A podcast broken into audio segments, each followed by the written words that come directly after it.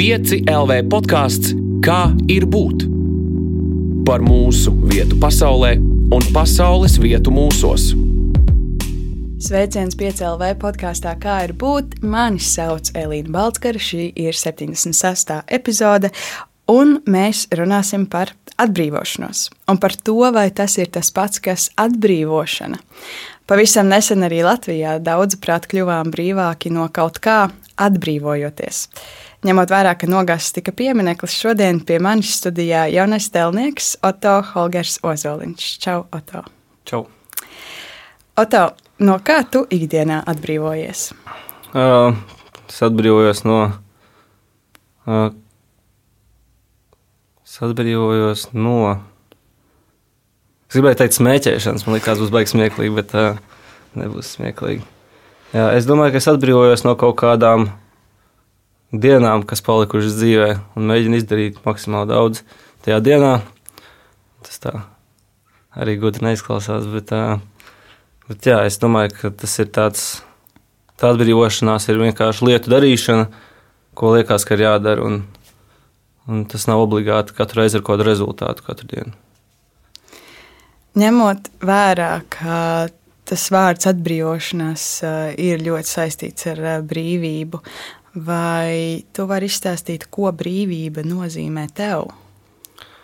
Brīvība man nozīmē spēja darīt kaut ko, kas ļoti patīk, darīt to katru dienu un, un mosties priecīgam, iet gulēt daudz maz labu garstāvokli. Man liekas, tā ir tā brīvība. Un, uh, skaidrs, ka to brīvību uh, ierobežo kaut kādi apkārtējie faktori, un, uh, bet uh, es domāju, ka neskatoties uz kaut kādu finansiālo stāvokli un, un visu apkārt notiekošo, tomēr to brīvību var atrast kaut kādās mazajās lietās. Jā. Kādēļ liekas, mēs uh, esam brīvi vai mēs par brīviem kļūstam? Nu, kaut kā jātic tai brīvībai, visu laiku sev jāskaidro, jāizskaidro, ka tu esi brīvs, jo vakarā bieži vien, ir tīpaši tā telniecības profesijā, tev vakarā liekas kaut kāda baigla ideja, no rīta pamosties un saprot, ka tas viss ir, nu, ka tās lietas, kas nav saistītas ar to materiālu pasauli, bieži vien uh, kaut kā to brīvību laikam rada tādu ilūziju par brīvību. Un uh, es aizmirsu jautājumu. vai brīvi esam, vai par brīviem kļūstam? Nu, par, brīv, par brīviem mēs kļūstam noteikti. Jā, jo brīvi mēs esam jau it kā visu laiku, mēs paši savu brīvību sev nozogam, darot lietas, kas mums nepatīk. Jā, tā kā tas ir paši rokās gan jau. Ar ko tu zodi sev brīvību? Brīvību es sev zogu ar, ar lietām, kas prasa laiku, bet nedod finansiālu, finansiālu labumu. Tā varētu būt tā vismaz doto brīdi telniecība. Tomēr saucies par telnieku. Jā, nē, nu kaut, kāds, kaut kas jau no tā viss arī atnes kaut kāds ienākums. Bet, uh, jā.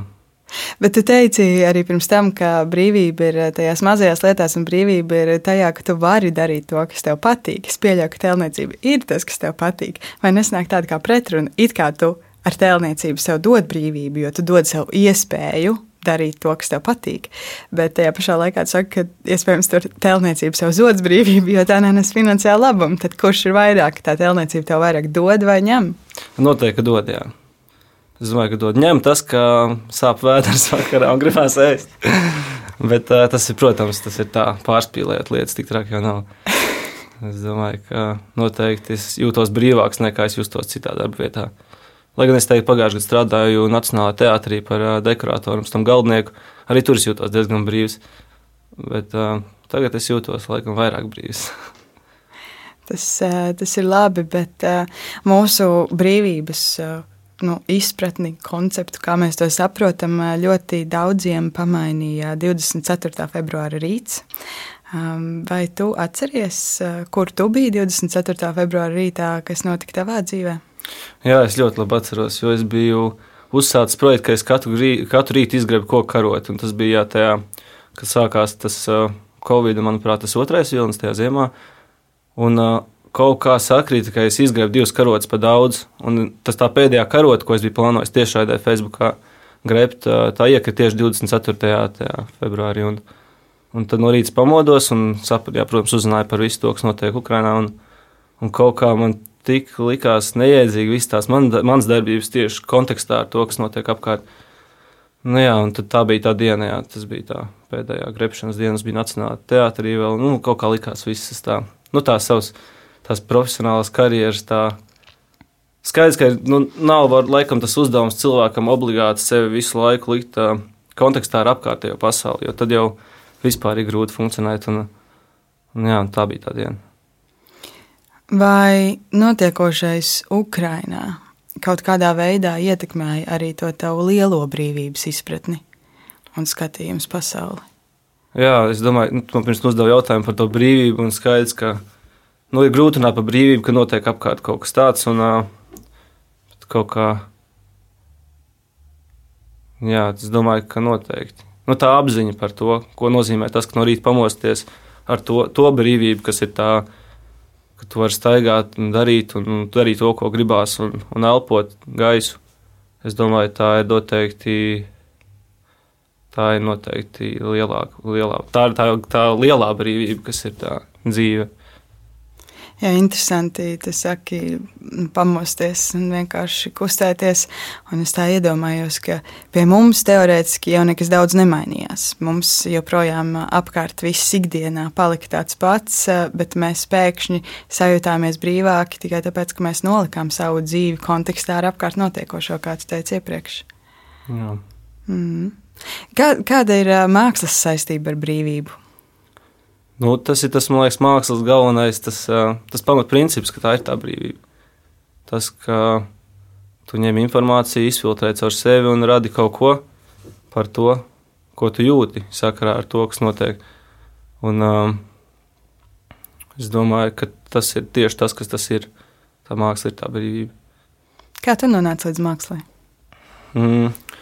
Es nezinu, man vecāki bija ir mākslinieki, un, uh, tas kaut kā loģiski tā izritēja, ka notiek kāds no manas ģimenes, mēs, mēs, čet, mēs esam četri bērni, ka kāds no mums noteikti aizies to ceļu. Un uh, kaut kā tā telniecība man laikam interesē, tāpēc man tēvs telnieks, man ir vienmēr paticis kaut ko ar rokām darīt, un, uh, un man kaut kā vecāki šķīrušies, un man likās, ka es mācu, nodarbojoties telniecību, kaut kā varēšu satuvināties ar tēvu un kaut kā saprast viņu labāk.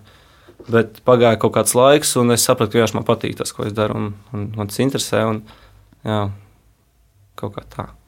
Vai tev izdevās satuvināties ar tēti? Es nebiju tā baigi atsevišķinājies, bet tas, ka kaut kā satiekoties, tomēr mums ir kaut kāda tā. Nu, ne tikai tas, ka tēva un dēla attiecības tā vienojošā puse, bet arī tas, kā profesionāli, kā, profesionāli, kā telnieki, kas ir vēl, kā, vēl viens čautne, pa ko vienmēr var runāt. Mūsdienās tās nu, mākslas uh, robežas ir diezgan uh, saplūdušas, un uh, visi mākslinieki rada visu, ko.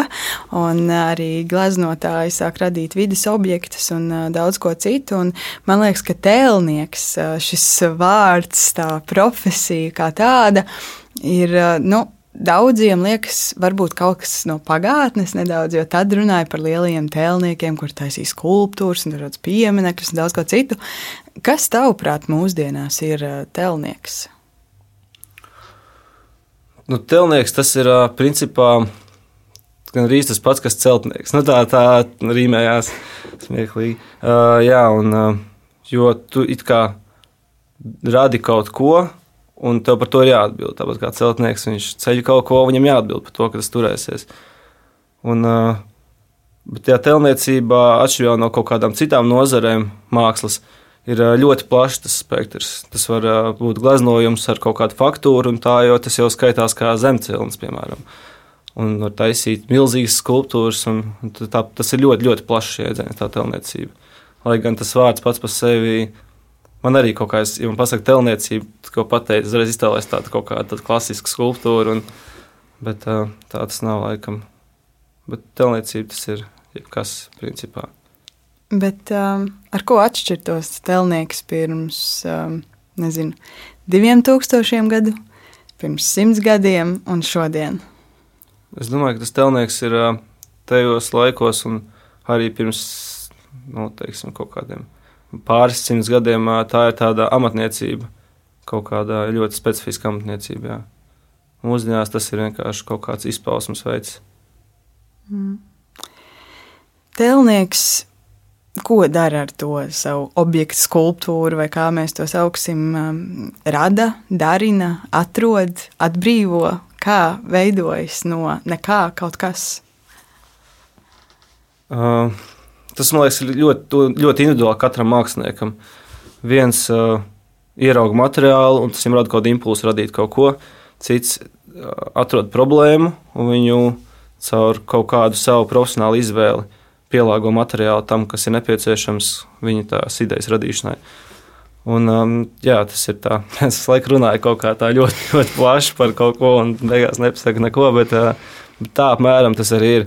Man kaut kā parasti, uh, es kaut kādu saprotu problēmu, ko es gribu risināt, tad es ieraugu priekšmetu, un es no tā priekšmeta izēju uz to formu, kas tas būs. Jā. Bet var mums iedot kādu piemēru?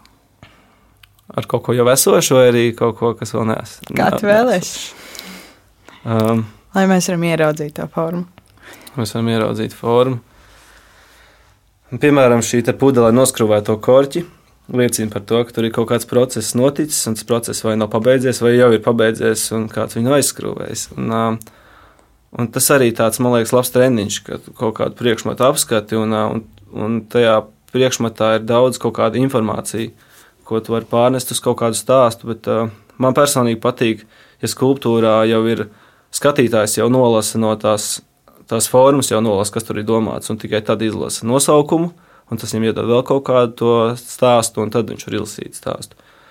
Un, uh, un tāpat arī ar tādu pudeli, tur par to pustukšo un puspilno pudeli, tas arī ļoti tāds it kā klasisks tāds piemērs, bet tajā pašā laikā ļoti daudz pasaka par cilvēku, ko viņš domā un kā viņš jūtās. Un, Jā. Ceru, ka mēs saprotam. es, um, diemžēl, gan neredzu šobrīd, vai tā pudele laikam vairāk ir uh, pilna nekā tukša. Uh, bet uh, ne par to stāsts. Es uh, pašā ievadā runājot par atbrīvošanu un atbrīvošanos, atbrīvošanās, to var locīt tik dažādi. Um, Es pieminēju okupācijas pieminekli, kas bija ļoti liels objekts mūsu pilsētvidē. Šobrīd tā nav. Es vēl pirms pāris dienām braucu garām un likās ļoti saudabīgi. Visa tā ainava šobrīd ar tām sadripušajiem materiāliem izskatās diezgan seriāli, pat nedaudz priekš manis, jo likās, ka tas ir kaut kas tik esošs, jo tas ir bijis tur visu manu dzīvi. Padomju mantojums ir ne tikai fizisks, padomju mantojums ir arī mūsu galvās daudziem. Ko tu domā par padomju mantojumu visās tā nozīmēs? Es domāju, ka tā ir jebkurā gadījumā vēsture mūsu kaut kāda. Un uh, tikai teikt kaut kādiem, ja mēs runājam par tieši konkrētu mākslu, tad jebkurā gadījumā tas ir mākslas darbs. Un tas, ka mākslinieks viņu radīs konkrētā laikā, tā ir tikai kaut kāda apstākļa sakritība vai mākslinieks, māksliniekam sakrituši uzskata ar tā laika iekārtu, tā, ir, tā jau ir problēma. Ja viņš ir radījis mākslas darbu tikai aiz, teiksim, ja pasūtījums, vai tas ir kaut kas, ko viņš gribēs radīt, tad tā ir, tā ir jebkurā gadījumā māksla. Piemēram, mums tagad uh, Glebs Pantļēvs atnes grāmatu no mākslas grāmatu no trešā reika, kas ir māksla, kas tika iznīcināta pēc Hitlera. Ļoti daudz visādi, arī ļoti skaisti mākslas darbi un ļoti augstvērtīgi mākslas darbi un tie tika iznīcināti. Kā no tās vēstures kaut kas no tā ir paņemts. Un, un, tāpat arī pie mums tas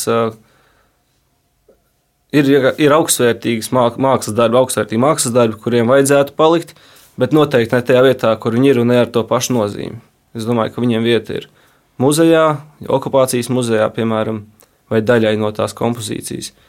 Jo es šaubos, ka bija daudz cilvēku, kas iet uzvaras piemineklī skatīties kompozicionāli, kā ir izveidota tā skulptūra.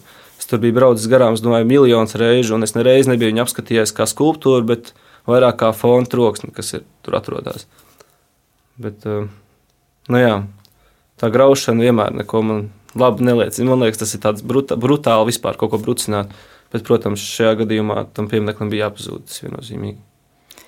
Kur tu vilktu to robežu starp um, to māksliniecisko sadaļu un starp to, kurā brīdī mums ir nu, jāpievērš to mākslu acis, jo tā vairs nav, nu, tas vairs nav vienkārši objekts ar māksliniecisko kvalitāti, tas jau ir kaut kas, nu, šajā gadījumā, piemēram, ideoloģisks. Um, kā, kā var saprast, kad ir jānoliek tā māksla malā un jāapskatās uz to objektu nedaudz citādi? Nu, tā kā tagad tas bija tieši tāds arī ir. Es domāju, ka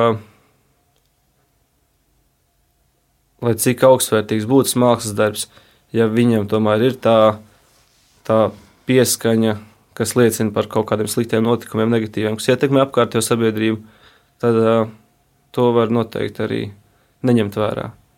Tāpat kā cilvēks, lai kāds viņš būtu, cik pazīstams vai, uh, vai patīkams, ja viņš dara sliktas lietas un ir slikts cilvēks. Tajā brīdī, kad to neredz apkārtējie, tad, uh, tad es domāju, ka tas vairs nav tas pats. Jā. Interesanti, to arī minēja, cik daudz reižu tu esi braucis garām um, šim uh, piemineklim un vienkārši uztvers to kā fona troksni. Nemaz neesi novērtējis to, kas tur uh, iespējams mākslinieciski arī stāv. Kā tev liekas, cik daudz vispār ikdienā mums ir tādu māksliniecisko kvalitāšu, kurā mēs uh, skrienam garām un nemaz nepamanām? Kaut vai tepat Rīgā? Mm redz, baigi maz jau parādās mūsdienās tādi jauni kaut kādi objekti. Jo Rīgā jau vispār tā tēlniecība nav, nav tik daudz, kā tas ir citās lielās pilsētās. Um, mēs vienkārši pierodam pie visu, kas notiek apkārt. Mēs ēku neredzam, mēs viņu pamanām tad, kad viņi ir nojaukti. Un tā tas ir. Cilvēks jau baigi pielāgojas un pierod pie visa. Un, un tā varbūt ir viena no tām cilvēka gan labajām lietām, gan sliktajām, kas bieži vien palīdz izdzīvot un tajā pašā laikā arī citreiz mēdz traucēt. Un es domāju, tā arī ar tiem mākslas darbiem. Viņi tur ir. Tā kā viņus ierauga, tad ir forši, bet tā ikdienā es domāju, ka gandrīz jebkurš. Es domāju, cilvēkam, kas dzīvo ilgi pilsētā, paprasīt par kaut kādu skulptūru, viņš noteikti zinās, ka viņi tur ir. Bet vai tur pirksts bija tā vai tā, vai roka bija pacelta, vai uz celīšu, to es domāju, neviens nepamanīja.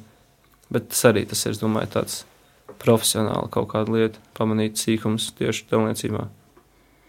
Kas ir varbūt tavas vietas eh, tepat Latvijā, kuras tu esi jaunatklājis, kas tur stāv jau tie objekti vai kaut kas cits, eh, jau gadiem iespējams, bet tu tikai pavisam nesen esi tās ieraudzījis eh, kā māksliniecisku vērtību.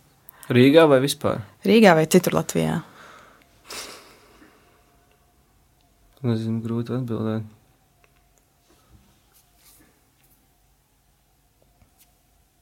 parasti nekad nevar atbildēt tā, ka man vajag tā ātri izdomāt kaut kādu vietu vai lietu. Mm. Nezinu, nenāks prātā. Es domāju, tagad būs, būs uzvaras parks. Es domāju, tā būs jaunā vieta, ko es jau atklāšu.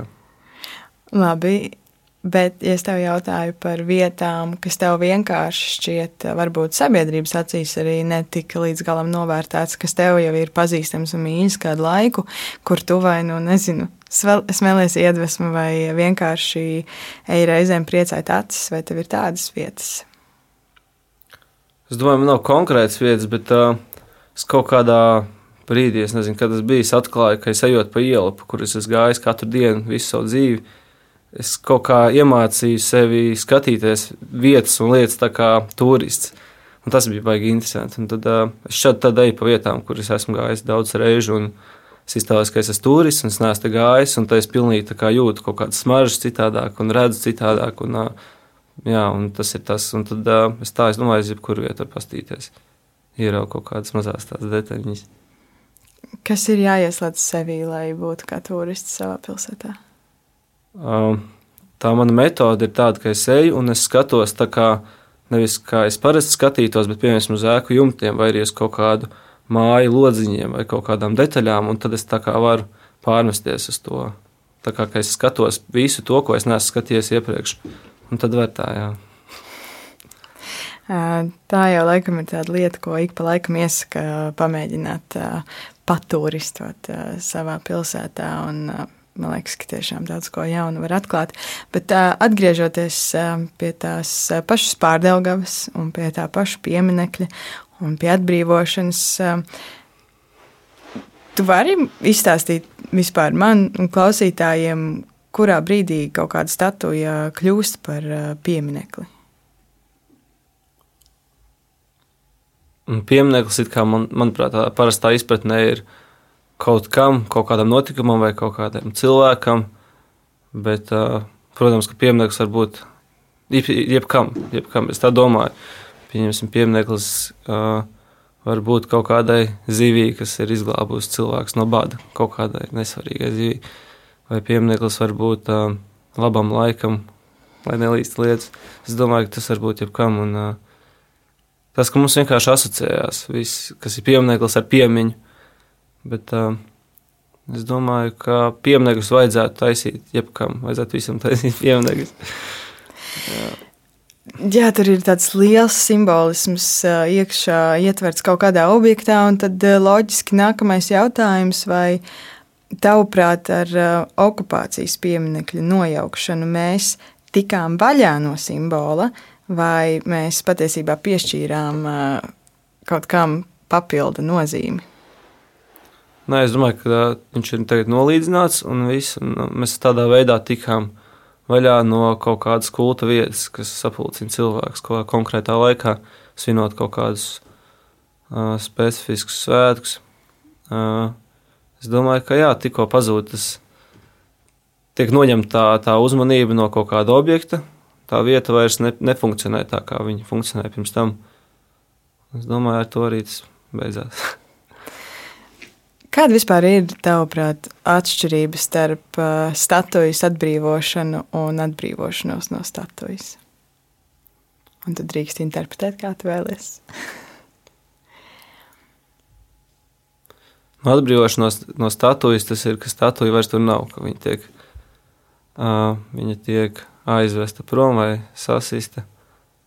Uh, statujas atbrīvošana ir tad, kad statujai tiek uh, noņemta nostājā tā. Uh, tas, tas,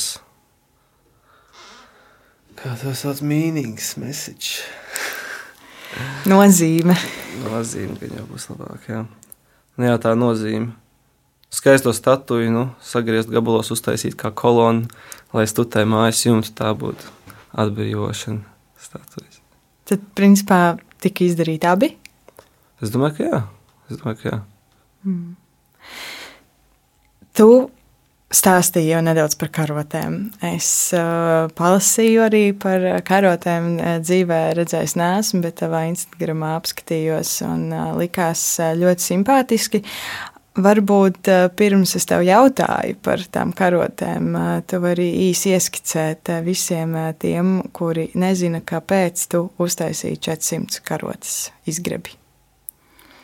Un tas stāsts bija tāds, ka mēs gājām makšķerēt ar uh, manu kaimiņu draugu. Uh, bija ziema, bija baigi augsts, kaut kāda mīnus 15 grādi, un mēs gājām pa ledu lielupē, un, uh, un kaut kā es iepalīju, viņš gāja pa priekšu, un viņš ielūza ledu iekšā, tad uh, es viņam palīdzēju tikt ārā. Un es sapratu, to, ka mēs būtu gājuši blakus. Iespējams, mēs abi būtu ielūguši. Nu, mēs to abi sapratām bez runāšanas. Uh, Mēs aizgājām apkārt mašīnu, aizbraucām uz mājām, uz Zeltūdu. Un, nu jā, atsveicinājāmies, un tā baigi daudz par sevi nerunājām. Viņš aizgāja savu māju, uz savu māju, un tad es kaut kā, kā parasti iekurināju darbnīcā krāsni, uztaisīju kafiju, sēdēju un tā domāju, ka vajag atrast kaut kādu citu veidu, kā to rītu padarīt tādu, nu, kaut kādu īpašu. Un tad es nolēmu, ka varētu uh, darīt kaut ko katru rītu, radīt no tā, kas ir darbnīcā man pieejams. Un, uh, no sākuma līdz galam un dot sev vienu stundu vai pusotru stundu padomāt savas domas. Jo es biju arī tādā periodā, kur man bija daudz visādi darbi, un es visu laiku domāju par kaut kādu citu, citu, citu problēmām, nevis savām sevis sakārtošanu. Un, un tad es uh, izdomāju, ka es varētu katru rītu grebt karoti, kaut kādus simts rītus. Bet tad es izdomāju, ka es varētu darīt to gadu. Tam likās, ka tas tā kā, nu, viss gapņās gadu darīt, un es nolēmu 400 dienas. Un tā es gribu, jā. Ko tu, nu, tu atbrīvojies no koka tajā brīdī, vai tu atbrīvoji karotes? Kā notiek šis process, kā, no, kā tā forma izaug, uz kuru puses tas notiek? Es sāku to, ka tur ir kaut kāda koka, tur tāda biblioteka ar visādiem kaut kādiem skaliem. Un, un tad es atbrīvojos no viena tā skala, daļas iemet krāsnī, iekurinot krāsnu ziemā. Un tad no viena no viņiem uztaisīja karot. Jā. Un tādā veidā es atbrīvojos no koka un atbrīvojos no kaut kādām domām, kas bija jāizdomā no rīta. Jā, un tad tiek pie karotes. Tas ir diezgan, manuprāt, mūsdienām unikāls meditācijas veids. Katrs meklē savu meditāciju šobrīd un to atrada savējo. Vai tev ir kāds īpašs karotes stāsts? Tur bija visādi, visādi rīti. Zinu, kā tos rītus jau tā baigi grūti prognozēt. Tur 400 dienas uz priekšu. Un, uh, bieži vien jau kaut kur sanāk palikt pa nakti vai arī kaut kur aizbraukt ceļojumā. Tad un katrs rīts bija principā īpašs. Jā, jau katru rītu bija jāgrib tā karot. Un tad es mēģināju tur pie tām karotēm, tajā Instagramā pierakstīt kaut kādu to, to mēsīju. Tajā rītā ir ko teikt. Bet uh, pārsvarā tie rīti iesākās kā rīts, rīts, un, un tas mēsīčs pa dienu tikai pienāk klāt. Tāpēc tur bija tā grūti prognozēt no rīta, kas notiks tajā dienā. Citreiz tajā iepriekšējā dienā kaut ko izdomāju, bet man liekas, tas vairs nav tik vērtīgs, lai to nākamajā dienā pieminētu. Un, bet bija kaut kāds reizes, ja Berlīnas stacijā es paliku pa nakti, man nebija instrumenti līdzi, jo es nevarēju lidmašīnu vest, jo bija tā mazā bagāža. Un tad es uztaisīju no saldējuma kociņu, un bija drausmīgi augsts. Bija.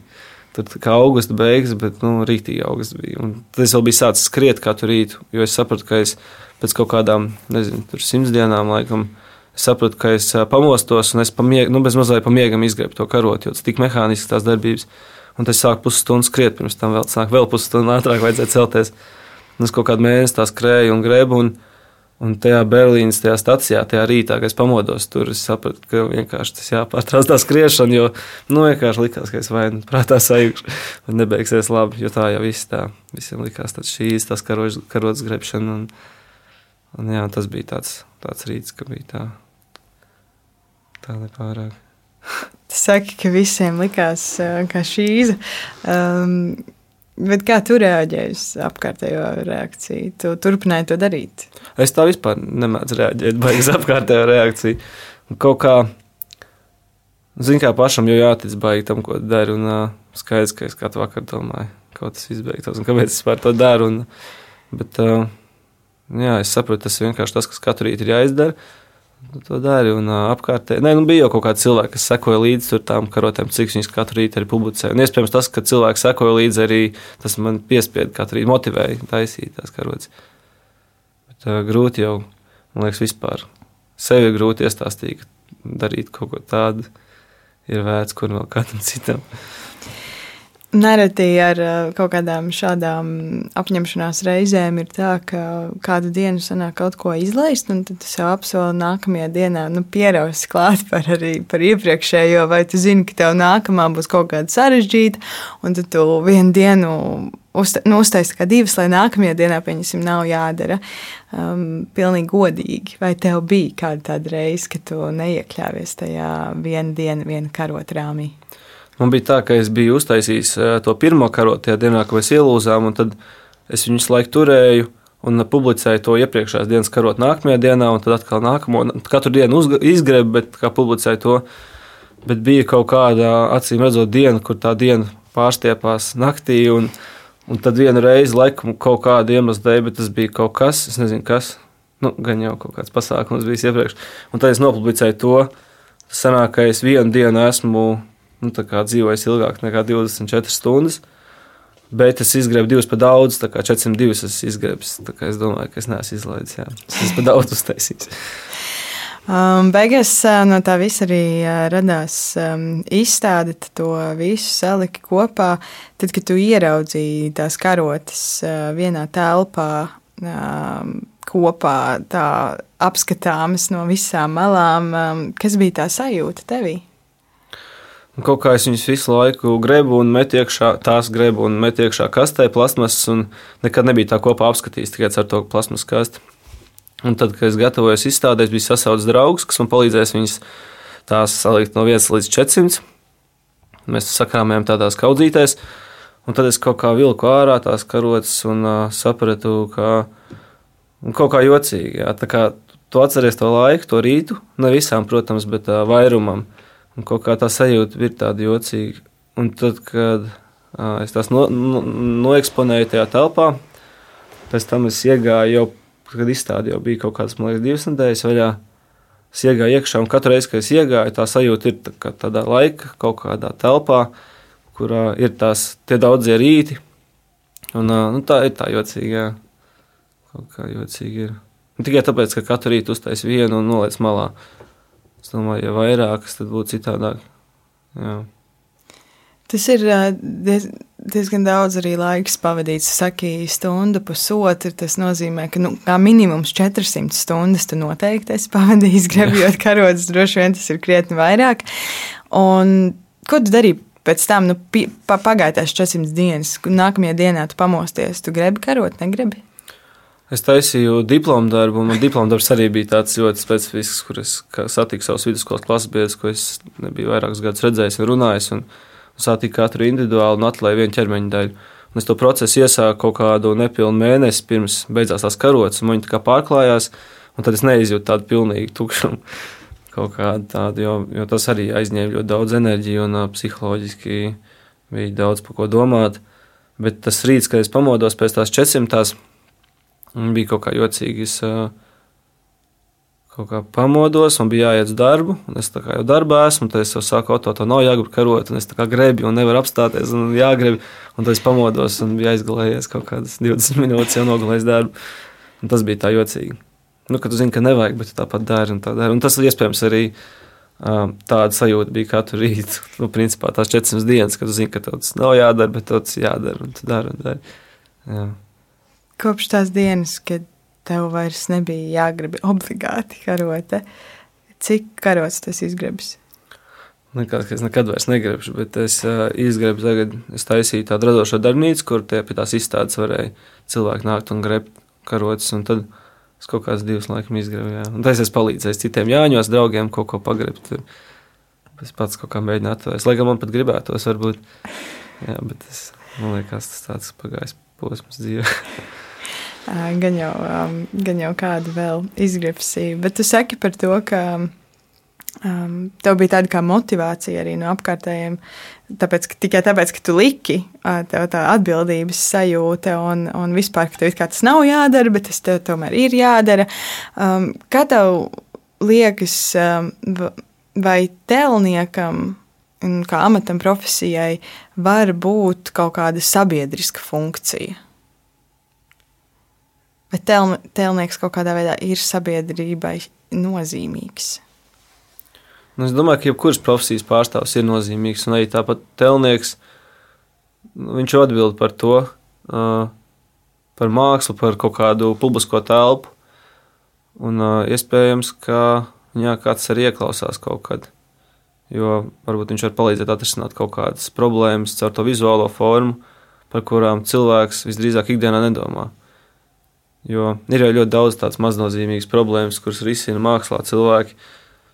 Un, um, tāpat ir ļoti nozīmīgas problēmas, kuras risina cilvēki. Un, iespējams, kādam ieraugot to skulptūru, viņš aizdomājas par kaut kādu problēmu, kuru viņš var palīdzēt risināt. Es domāju, ka tas ir nozīmīgi. Jā. Kas vispār ir labs telnieks? Nezinu.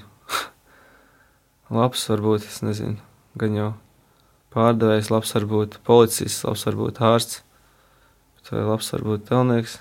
Nu, jā, viņam ir, nav jau tādas definētas funkcijas obligāti, un labs viņš ir, ja viņš ir pats priekš sevis labs. Jā. Vai tu ikdienā nu, centies būt sabiedrībai noderīgs? Nu, jā, es domāju, ka jā. Bet, uh, vai sabiedrībā ir kaut, kāds, kaut kas noderīgs, ko no manis paņemt, es neesmu drošs. Bet uh, es domāju, ka mākslinieks ir ļoti noderīgs sabiedrībai. Varbūt ne lielumam sabiedrības daļas, bet, uh, bet mākslinieks kā tāds ir, uh, tā ir svarīga sabiedrības daļa noteikti. Bet kā tu centies? Es cenšos. Uh, Es visu kaut kā cenšos, katru dienu kaut ko cenšos darīt un domāt, un, un visu laiku sev likt domāt jā, par tām problēmām, kas ir jārada, jārisina. Bet uh, es domāju, ka tieši tas, ka kaut ko es, mēģinu, es mēģinu kaut ko, kaut ko taisīt un kaut ko publicēt, es vienkārši zinu, kā tajā šajā varbūt attīstības posmā ir visu laiku liekas, ka nu, tu uzdod sev jautājumus, vai tas ir pietiekami labs, vai arī tas ir kādam patiešām ir no tā labums. Un vai tev pašam no tā ir labums, vai tikai nodara sev pāri visu laiku, liekot sev kaut kādus mēģi, nevis mēģus, bet tādus uzdevumus, kurus tu pats ne, nepiepildi. Nu, deviņos būt darbnīcā katru rītu. Un, un katru rītu līdz septiņos modinātā. Un tu nereiz nepiecelies un nereiz neiesties deviņos. Un tu, tu pats sev kā pāri visu laiku nodari. Es nezinu, vai tas ir labi vai tas ir slikti, bet, um, bet es domāju, ka tas ir viens no veidiem, kā tikt uz tā kaut kāda ceļa, uz sabiedrības labumu varbūt. Jā. Domājot par uh, ne tikai par sevi, bet par mums visiem un par sabiedrības labumu. Um, kā tev šķiet, no kā mums, kā sabiedrībai, vajadzētu atbrīvoties, lai mēs kļūtu par labākiem cilvēkiem? visi kopā. Es domāju, ka vajadzētu atbrīvoties no kaut kādiem seniem uzskatiem un noteikti atbrīvoties no, nu, kā viegli tā teikt, atbrīvoties, bet domāju, no tā uh, padomu laikā tā uzslāņojuma un tā kaut kādas iepriekšējās tās pieredzes un sākt dzīvot no jauna un nedomāt par to, ka mēs esam, nu, ka mēs visi esam kaut kādā ziņā vienādi, jo mēs esam ļoti atšķirīgi. Un, un vajadzētu, es domāju, to pieņemt. Es, protams, ne, es negribu teikt konkrētus kaut kādām konkrētām lietām, par kurām mēs zinām, par ko mēs šeit runājam, bet, bet tā ir viena no lielākajām problēmām, es domāju. Vienkārši tā sabiedrības atvērtība un, un nemēģināt visu laiku domāt, ka kāds kaut ko no tevis paņēmis, kāds no tevis kaut ko grib, vai arī kāpēc viņš smaida. Un, nu, tā, tā ir, man liekas, liela problēma. Bet tas arī gan jau tāds kaut kāds mūsu sabiedrības arī unikāla kaut kāda lieta. Jā, tu mini par atbrīvošanos vet, no vecā un vienkārši tādas jaunas lapas sākšanu. Ja tev, Oto, būtu uh, uzvaras parkā jāveido jauns piemineklis šobrīd, uh, kas būtu nu, par godu atbrīvošanai no vecā, vienalga, kā tu definē veco. Kas tas būtu? Ko tu tur veidotu? Jā, tas ir tāds, tāds nopietns, nopietns jautājums. Es nezinu, varbūt labi, ka tur nekā nav. Vismaz kaut kādas vēl tuvākos 20 gadus tā vieta pastāv tukšana. Varbūt kaut kas tāds labs, kādam ienāk prātā. Es nezinu, nevajag obligāti varbūt vietā tajā pašā kaut ko likt. Varbūt ļoti labi, ka tā vieta paliek tīra un Un tas arī kalpo kā tāds piemiņas vieta kaut kam, kas tur bija, vai arī kas tur būs, vai kam tur nevajadzēja būt, vai kam tur vajadzēja būt. Es domāju, ka varbūt lai pastāv, pastāv tukšs parciņš. Tukšums jau arī ir kaut kas beig beigās, jā. vai ne? Tā ir, jā. Nekas nav līdz galam tukšs.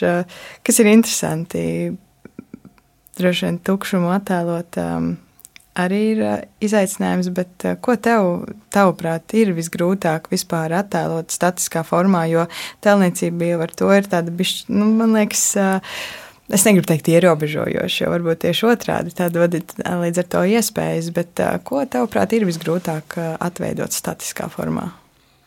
À, es baigi daudz, domāju par tādu, par uguni, uzveidot, kā izveidot uguni, kā statisku, Jo es gribēju teikt, ūdeni, bet ūdeni tomēr liekas, ne tikai viņš ir vairākas reizes, vairāk reizes viss kaut kur jau radīts, bet arī par to, ka to kaut kā var to tecējumu. Bet uguns kaut kā, es vienmēr sēžot pie uguns, kur domāju, kā viņš tur tā priekš uz atpakaļ, un, un ka to tā varētu būt sarežģīti vispār. Es vienkārši domāju par uguni arī kā, nu, ka, piemēram, strādājot pie kaut kādas skulptūras, tur jau baigi jādomā, kas tas tāds ne tikai vizuāli ir, bet arī kāds tur ir tas. Uh, tas koncepts un kas tas ir. Un, un tā uguns jau vispār liekas tāda ierobežota kaut kādā grilā vai arī kaut kādā kamīnā. Vienmēr liekas tā, it kā viņi tur ir, bet tajā pašā laikā viņi var būt ārā no turienes un izdarīt kaut kādas briesmas. Un, un tas pats jau ar visām šīm lietām. Cilvēks jau vispār tur pasaka kaut ko ne tā, un tas ir diezgan nu, tā jā, jādomā. Tīpaši tādam māksliniekam, tīpaši viņā sāk ieklausīties tas paliek jau tā bišķiņ bailīgi. Tu esi kādreiz nobijies no tā, ko tu radi? Nē, nē es neesmu. neesmu. Bet, um, es arī domāju, ka tā nevajadzētu būt. Tā nedrīkst būt māksliniekam, jo tīpaši. Es domāju, viņam nevajadzētu baidīties no tā, ko viņš dara. Tieši vajadzētu darīt tā, ka gribās baidīties. Varbūt tas varbūt pat labāk. Mm. Turpinot par tā jaunradīšanu,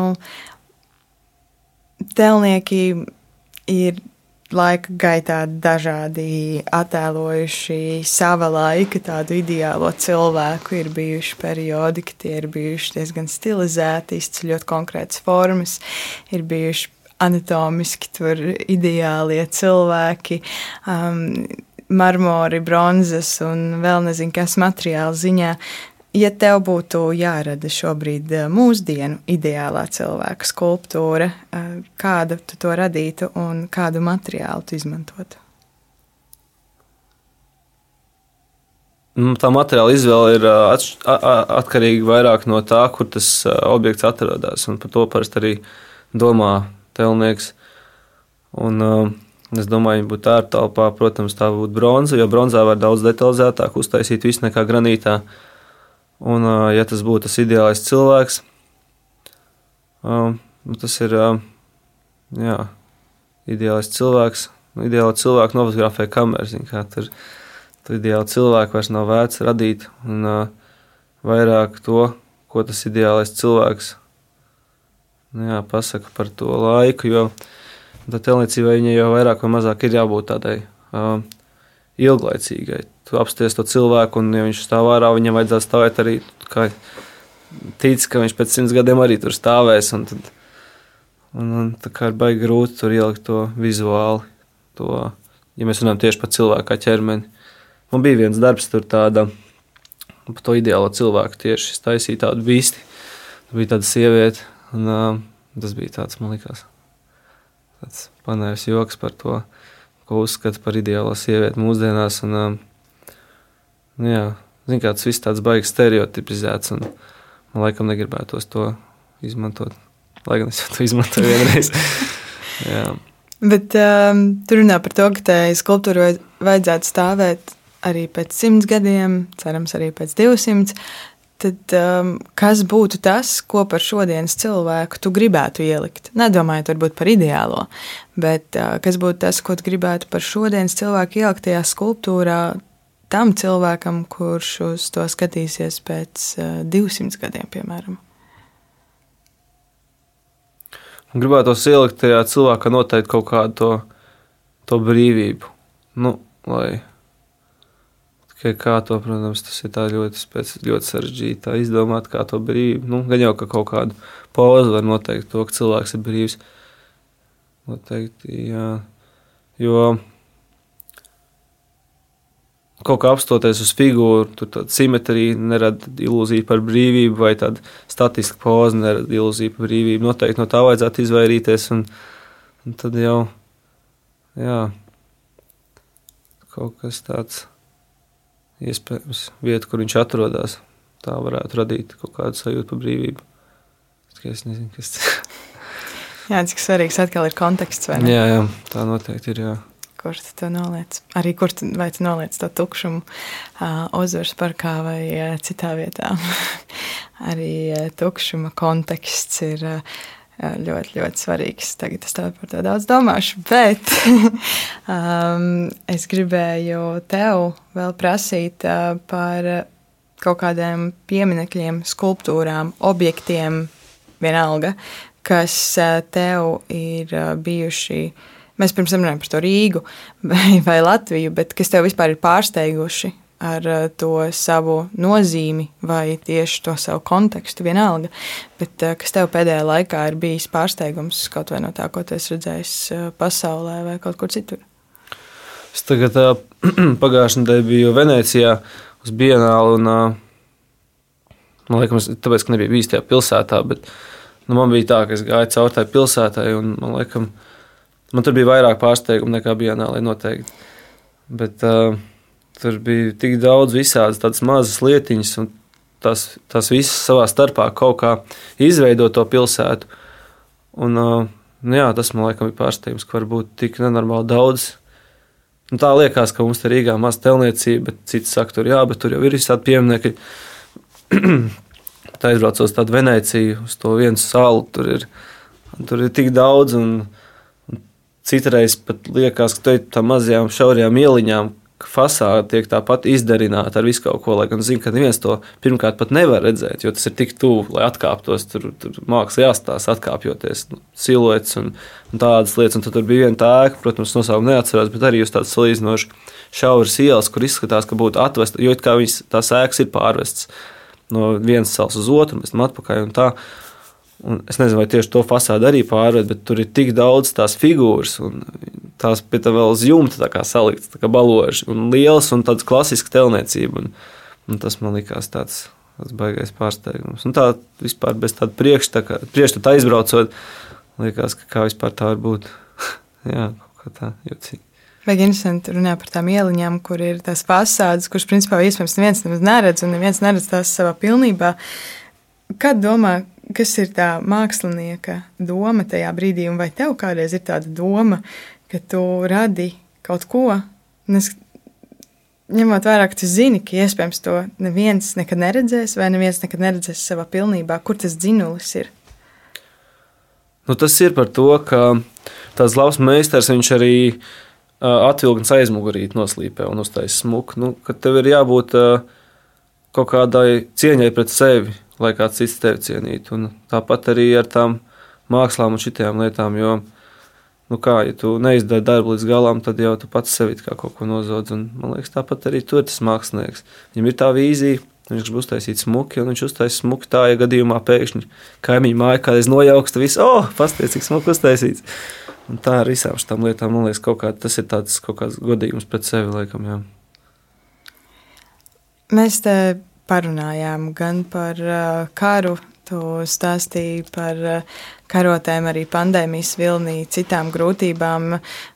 Tas joprojām ir um, klātesošs viss, un uh, tagad arī tuvojas uh, apkuras sezonu, kas iespējams daudziem ir uh, viena no tādām baisākajām, un uh, arī tev krāsniņi jākurina, vai ne?